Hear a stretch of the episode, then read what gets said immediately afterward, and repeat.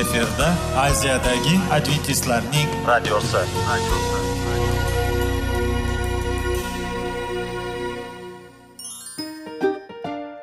assalomu alaykum aziz radio tinglovchilar. Sog'liq daqiqasi rubrikasiga xush kelibsiz. Zero tananing sog'lom bo'lishi va uning kasalliklardan saqlash har bir insonning burchi hisoblanadi. Inson uchun bebaho boylik bu sog'liq salomatlikdir. Uni asrash esa har birimizga omonat qilib berilgan. Shuning uchun ham inson o'z sog'lig'ini ehtiyot qilishi va ajib amallardan hisoblanadi. Dono xalqimiz sog'liq tuman boylik deb bejiz aytmagan. Aql idroq sohibi bo'lgan inson o'z hayotini qadrlashi lozim bo'ladi. Hozirgi kunda qanchalik dori darmonlar ko'paymasin tibbiy muassa sifati shifokorlar vasiyasi tibbiy texnika yaxshilanmasin. Agar insonning o'z salomatligi haqida qayg'urmasa kutilgan natijaga erishib bo'lmaydi va biz sizlarga bizning dasturimizga xush kelibsiz deymiz.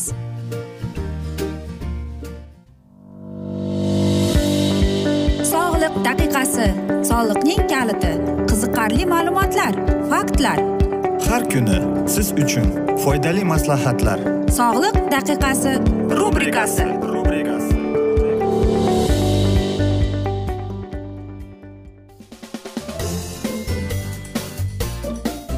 assalomu alaykum aziz radio tinglovchilar. Dasturimizga xush kelibsiz va biz sizlar bilan sog'liq formulasi degan dasturda xushvaqt bo'ling deb aytamiz. Va bugungi bizning dasturimizning mavzusi qand kasalligi profilaktika shifolash va nazorat deb ataladi. Qon darajasini sinchkovlik bilan nazorat qilish bu diabetik semirish oqibatlarining oldini olishga yordam beradi va homiladorlikdan chiqishni yaxshilaydi.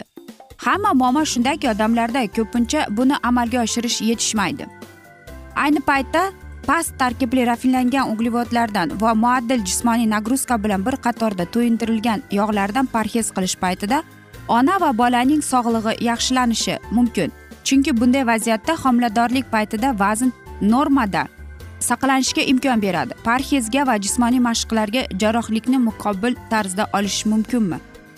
Ishni nahotki shungacha olib kelish mumkin bo'lsa? Axir sog'lomlashtirish dasturiga rioya qilish va nazorat etish yordamida diabetik semirishning va uning asoratlarining oldini olish mumkin. Qand xastaligiga chalinganlar qondagi qand darajasini qattiq nazorat qilishlari kerak? Ayniqsa birinchi tip e, diabet xastaligi paytida insulin ukoli ehtiyoji bo'lishi mumkin. Ikkinchi diabet bilan xastalangan ayrim mijozlar qondagi qand darajasini pasaytirgan tabletkalarni qabul qilishlari zarur. Ammo asosiy shifo bu o'simliklardan tayyorlangan mahsulotlarni iste'mol qilishga.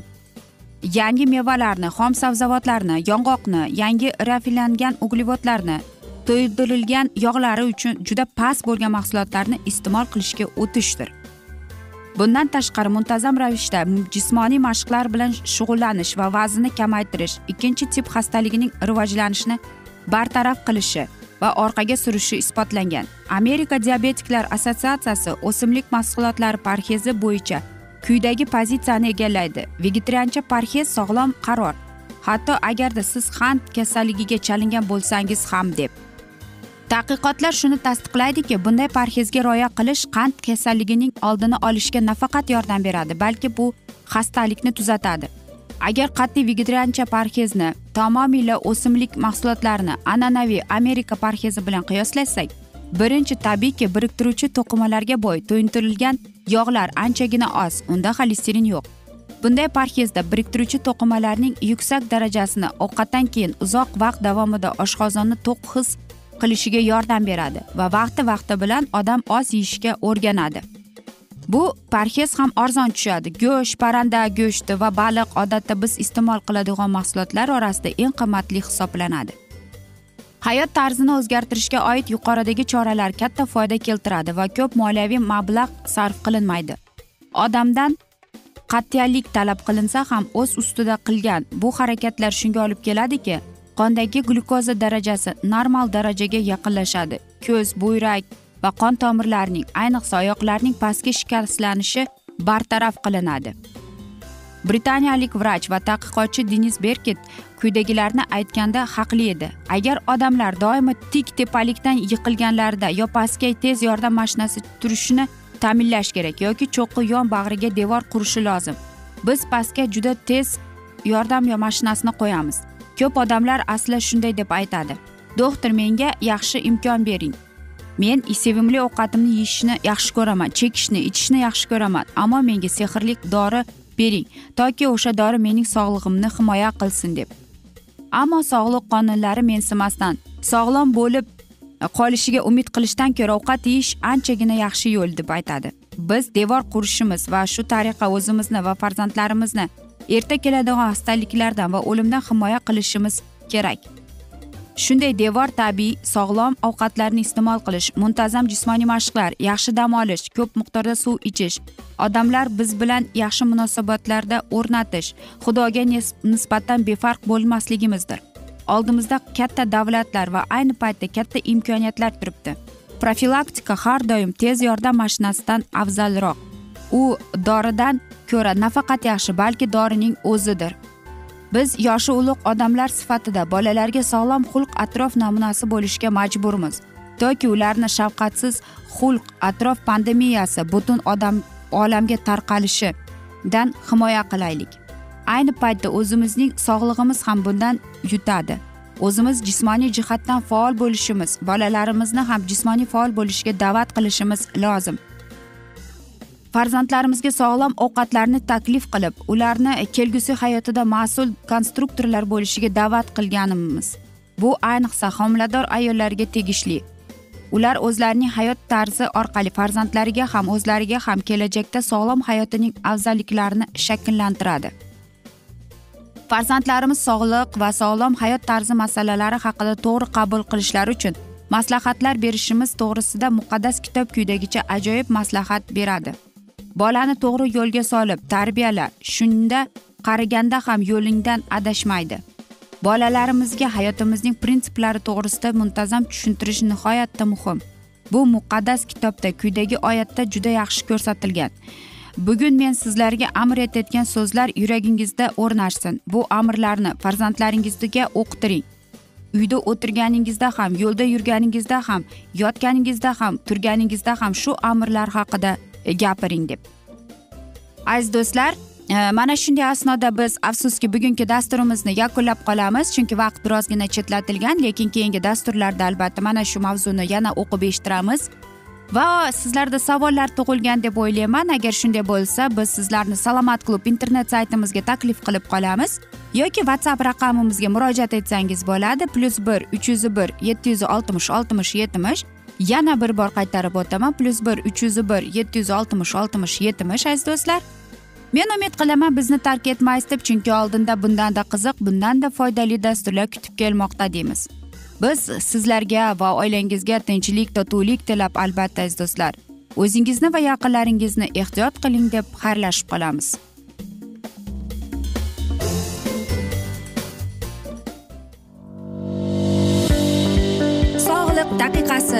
Soliqning kaliti qiziqarli ma'lumotlar faktlar. Har kuni siz uchun foydali maslahatlar. Sog'liq daqiqasi rubrikasi.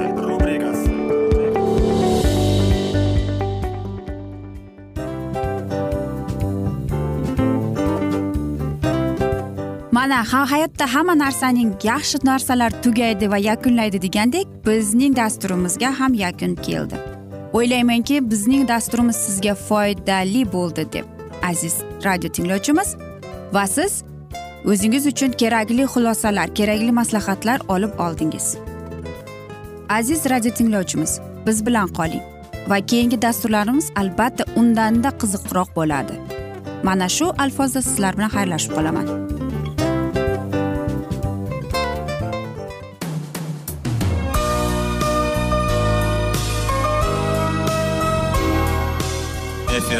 Aziyadagi adventistlarning radiosi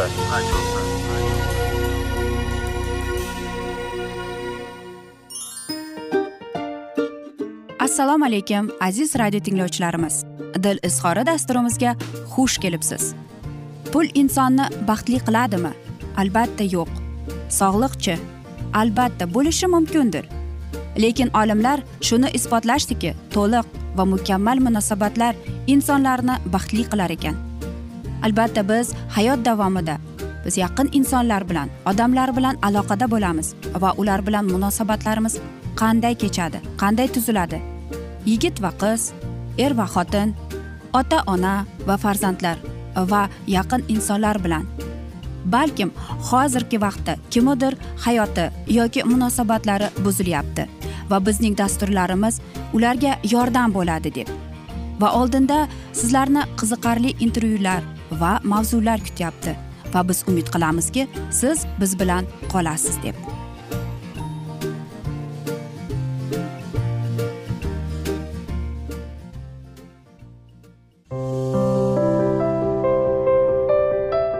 Har kuni har xil kasbdagi odamlar bilan sirlashish va bo'lishish sevgi rashq munosabat.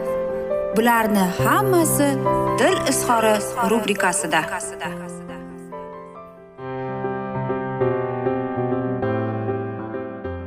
Assalomu alaykum aziz radio tinglovchilar. Dasturimizga xush kelibsiz va biz sizlar bilan ben karsonning oltin qo'llar degan kitobini o'qib eshittirishni boshlagan edik.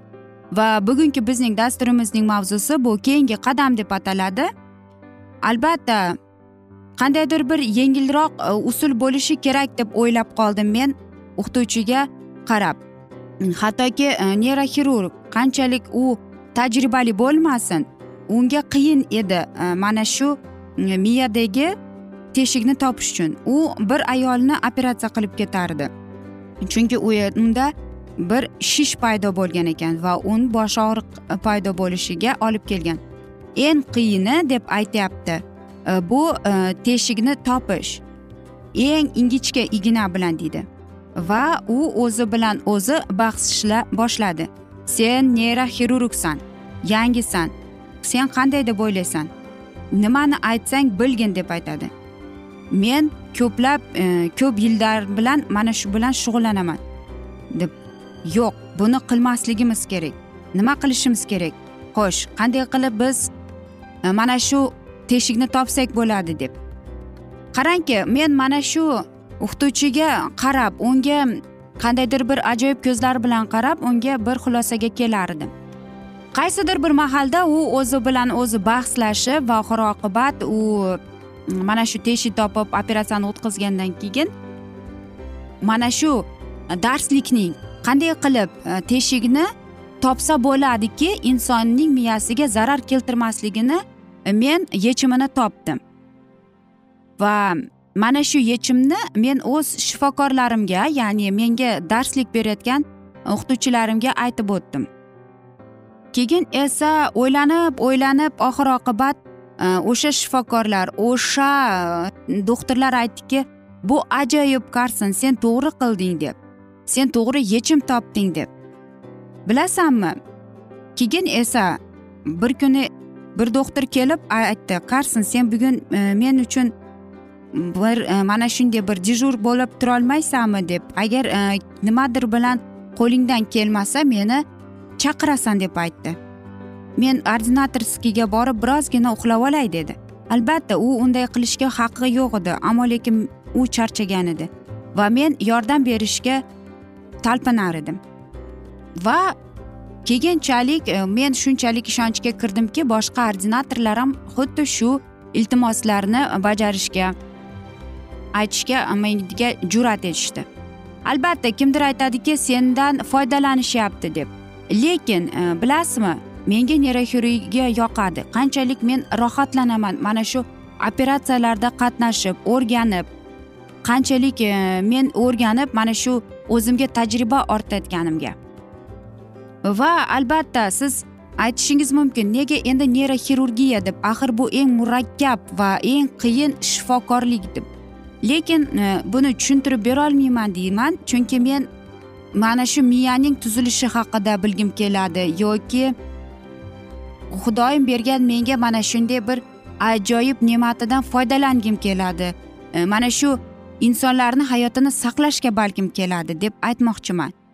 Michiganda bir universitet programmasi bor va u yerda men mana shu o'qishni davom ettirishga biz qaratdik va bir kuni men shunday bir suhbatni eshitib qoldim u mening e, ba'zi bir aytaylikki ro'yxatimdagi ishlarimga o'zgartirishlar kiritildi bir o'qituvchi bilmasdan men yonidaligini bilmasdan boshqa o'qituvchiga aytyapti ekan u yaqinda bo'lmaydi nahotki sen shuni shunday jiddiy deb o'ylaysanmi? Ha bunga shubha yo'q. U o'zi aytdi bu e, politika bilan bog'liq deb aytadi. Va albatta mana shu narsa meni butunlay ro'yxatimdagi ishlarimga o'zgartirishlar kirib keldi. Bir tarafdan men michigan universitetiga kirgim keldi. Ikkinchi tarafdan esa albatta men o'yladim xoppins e, universitetiga men e, o'zimning qog'ozlarimni topshiraman deb. bir ming to'qqiz yuz yetmish e, yetmish oltinchi yili men e, o'z arizamni tashlab qo'ydim. Menda yuqori ballar baholar edi. Faqatgina e, bitta muammo bor edi. U yerda ordinaturaga kerak edi. Bu kafedraga faqatgina ikki insonni ikki kishini olardi. Ariza esa bir yuz yigirma beshta odam tashlagan. Albatta men bu o'zimning dokumentlarimni topshirganimda mm, men bir necha haftadan keyin yaxshi xabarni oldim. Meni собеседованиеga taklif qilishyapti. Bu hali albatta meni qabul qilishdi degani emas lekin men tushunib turibman ularning talablari menga kuchli bo'ladi. Lekin shuni ham unutmadimki e, mana shu talablarda mana shu hikoyalardan bir necha собеседованияga odamlar o'tishini aziz do'stlar albatta ben karson e, eng ajoyib va eng e, aytaylikki o'zi haqiqatdan ham xudoyim bergan bir ne'matlardan unga mana shunday neyroxirurgdir va uning qabuliga kirish uchun odamlar haftalab yozilishadi. U ko'p odamlarning hayotini qutqarib qolgan. Buni bilaman aniq. Va uni keyingi e, hayotidagi o'zgarishlarni o'qib eshittiramiz albatta. Hozir esa biz bugungi dasturimizning mavzusini yakunlab qolamiz. Afsuski vaqt birozgina chetlatilgan. Lekin keyingi dasturlarda albatta mana shu mavzuni yana o'qib eshittiramiz. Va o'ylaymanki sizlarda savollar bor. Agar shunday bo'lsa biz whatsapp orqali so'zlashishimiz mumkin. Plyus bir uch yuz bir yetti yuz oltmish oltmish yetmish aziz do'stlar. Plyus bir uch yuz bir yetti yuz oltmish oltmish yetmish. Umid qilaman bizni tark etmaysiz deb chunki oldinda bundanda qiziq bundanda foydali dasturlar kutib kelmoqda sizlarni. Biz esa sizlarga sevgi va omad seving seviling deb xayrlashib qolamiz.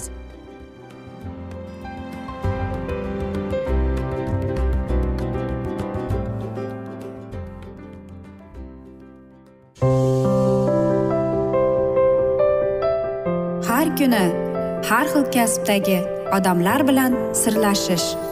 Va bo'lishish. Sevgi rashq munosabat. Bularni hammasi dil izhori rubrikasida. Mana aziz radio tinglovchimiz bizning go'zal va foydali va chiroyli dasturimiz yakunlanib bormoqda. Sizlarga birozgina maslahat berib o'tmoqchi edik.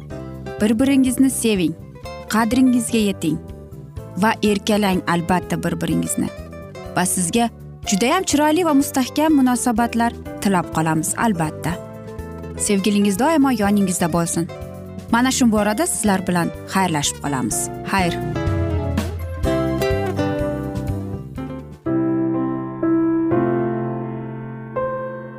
Hayotning noni. Qiziqtirgan savollar va javoblar. Buning hammasi ko'ngil uchun oziqa rubrikasida.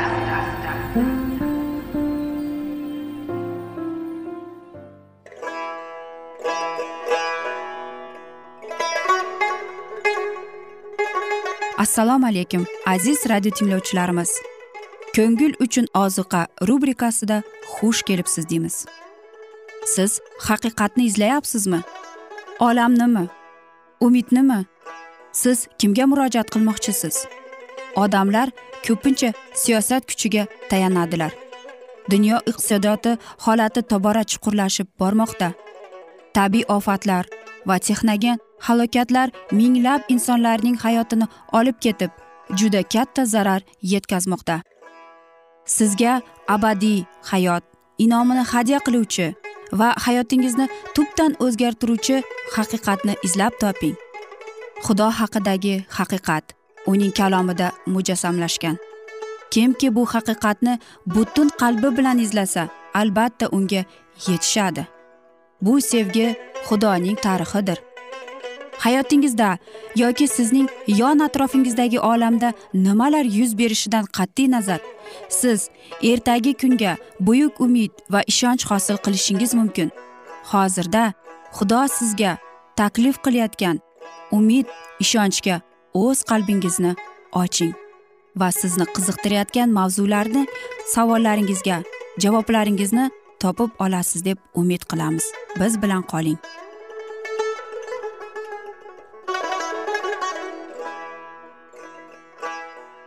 Assalomu alaykum aziz radio tinglovchilar. Dasturimizga xush kelibsiz va biz sizlar bilan ulug' otalar va payg'ambarlar deb nomlangan kitobni o'qib eshittirishni boshlagan edik. Va bugungi bizning dasturimizning mavzusi bu qurah ko'targan qo'zg'olon deb ataladi. Biz o'tgan galgi mavzuni bugun yana davom ettiramiz. Qurahning qo'zg'olonida kichik darajada osmonda iblisni qo'zg'olonga olib kelgan ruhning ta'siri namoyon bo'ldi. Mag'rurlik va shaxsiyatparastlik orqasida lyutsifer ilohiy boshqarish bilan norozi bo'ldi. U osmonda o'rnatilgan qonunni ag'darmoqchi bo'lib qo'zg'olon ko'tarildi. O'z mag'lubiyatidan keyin u oldiga bir maqsad qo'ydi. Odamlarning vujudida xuddi shu rashq va norozilik ruhini uyg'otish. Ular e, mavqeini va sharafni talab qilsinlar. Xuddi shunday tarzda u quraq do'tan va abiromga ta'sir qildi. Ularning qalbiga rashq hasad inonmaslik isyon hissini uyg'otadigan urug' sepdi. Tangri taolo tayinlagan insonlarni tark etishga majbur qilib shayton yagona xudoni tark etishlariga itardi. Muso va xoringa qarshi shikoyat qilib ular xudoni haqorat qilishardi va o'zlari haq bo'lishlariga shunchalik ishonardiki gunohlarini haqqoniylik bilan fosh qilganida ular bu shaytonning ishi deb tasvirlanadilar.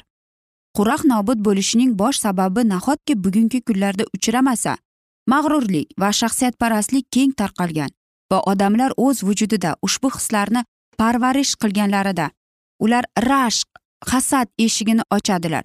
Ustunlik uchun kurash boshlanadi. Jon xudodan uzoqlashadi va ongsiz ravishda shaytonning yaqinlari bilan bir qatorda turadi. Quroq va uning fikrdoshlariga o'xshab ko'plar hatto masih izdoshlari ichidan har qanday rejalar ko'rib o'zlarini yuksaltirish uchun shunchalik tirishadilarki hatto hamdardlik va ko'mak olish niyatlarida haqiqatni buzishga ilohiy xizmatlarini yolg'on nurda ko'rsatishga tayyor turadilar. O'z tabiatiga fikrlashiga munosib boshqalar to'g'risida ham shunday fikr yuritadilar. Isbotlarini e'tiborga olmay shundaqalar qaysarlik bilan o'z yolg'onida qattiq turadilar va nihoyat qilgan harakatlari aytar so'zlari durust deb o'zlarini inontiradilar. Xudo tayinlagan insonlarga nisbatan boshqalarning ishonchini buzishga tirishib ular to'g'ri harakat va xudoning ishini qilishlariga samimiylik bilan ishonadilar. Xudovandning buyrug'iga va cheklashlariga yahudiylar bo'ysunishni xohlamaydilar. Man etilgan narsalarga itoat qilib muomalada bo'lolmas edilar va aybdor bo'lganliklarini eshitishni xohlamaydilar. Musoga qarshi shikoyat qilishlarining sababi ana shunda edi. Agar ularning ixtiyori e, ijozat berilganda balki doimiy dohiylarga kamroq zorlanadilar diniy jamoatlarning butun tarixi mobaynida xudoning xizmatkorlari shunday ruhning namoyon bo'lishi bilan uchrashadilar gunohga ojizlik ko'rsatib shu bilan e, billa odamlar o'z aql zakovatiga shaytonga yo'l ochadilar va sekin asta qonunsizlikning bir zinasidan ikkinchi zinasiga tushadilar. Yorug'likni tark etib ular ongi zulmatga cho'mdiradilar va yuraklarini qotiradilar. Shunday qilib ularga gunohga yana qadam qo'yib yorug'likni tark etish oson bo'lib qoladi. Toki nihoyat yovuz harakat qilish odat tamoman ildiz otmaguncha ana shunday gunoh ular uchun gunoh bo'lib qolmaydi. Ilohiy kalomni to'g'ri targ'ib qiladigan va gunohlarni fosh qiladigan inson ko'pincha o'ziga nisbatan nafrat hissini uyg'otadi. O'zlari o'zgarish uchun xulq atrofimizni qurbon keltirishimiz lozim. U azobli tarbiya. Qurbon og'irini ko'tarishga indamay ko'nmay odamlar e, ilohiy xizmatkorga qarshi chiqadilar va uning fosh qilishlarini noto'g'ri va haddan qat'iy deb e'lon qiladilar. Qurrax kabi ular xalqni muqaddas deydilar ayblovchini esa bolalarning sababi deb sanaydilar. Ushbu yolg'on bilan vijdonini tinchitib g'arazqo'y va rozi bo'lmaganlar bilan birlashadilar. Diniy jamoatda urushish va urug'larni sepib barpo etishga intiladigan qo'llarini kuchsiz qiladilar. Inson o'g'liga qarshi so'z aytsa kechiriladi lekin kim muqaddas ruhga qarshi so'z aytsa ikki dunyoda ham kechirilmaydi. Ushbu so'zlarni bizning najotkorimiz aytadiki qachonki ilohiy kuch yordamida u qilgan ehsonli ishlarni yahudiylar shaytonga tegishli qilib ko'rsatadilar. Parvardigorimiz inson bilan muqaddas ruhning vositachiligini orqali muomalada qiladi. Insonlar uning ta'sirini shaytonniki deb ongli tark etganlarida ular jonini osmonga olib boradigan yo'lni buzadilar. Muqaddas ruhning namoyon bo'lishida tangri taolo gunohkorni fosh qiladi va ishontiradi. Va agar muqaddas ruhning ishi to'la to'qis tark etilsa shunda xudovand gunohkor inson uchun hech narsa qilolmaydi. Ilohiy mehribonchiligining eng oxirgi vositasi bitta. Gunohkor o'zini xudodan kesib oldi. Xudoda esa o'z navbatida davolaydigan dori yo'qdir. Aqida qildirish va gunohlarni qaytarish uchun xudoning boshqa turli kuchi yo'qdir. Uni qoldir. Ilohiy buyruq eshitilmoqda. Ana shunda gunohlarning kechirilishi uchun boshqa qurbonlik qolmaydi. Faqat dahshatli intizorlik bilan hukmni kutish va xudobezorni kuydiradigan qizg'in otash qoladi deydi. Aziz do'stlar mana shunday asnoda esa biz bugungi dasturimizni yakunlab qolamiz. Afsuski vaqt birozgina chetlatilgan lekin keyingi dasturlarda albatta mana shu mavzuni yana davom ettiramiz. Aziz do'stlar e, biz e, suhbatimizni sizlar bilan e, whatsapp orqali davom ettirishimiz mumkin. Plyus bir uch yuz bir yetti yuz oltmish oltmish yetmish bizning whatsapp raqamimiz. Yana bir bor qaytarib o'taman. Plyus bir uch yuz bir yetti yuz oltmish oltmish yetmish. Aziz do'stlar va umid qilamanki bizni tark etmaysiz deb chunki oldinda bundanda qiziq bundanda foydali dasturlar kutib kelmoqda sizlarni deymiz. Va biz sizlar bilan xayrlashib sizga va oilangizga tinchlik totuvlik tilab va albatta o'zingizni va yaqinlaringizni ehtiyot qiling deb xayrlashib qolamiz.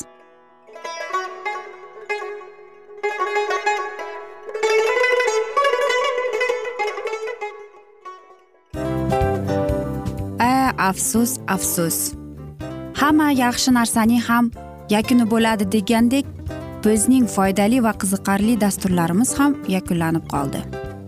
Va men umid qilamanki bizning dasturlar sizga ozgina bo'lsada maslahat berdi foyda berdi.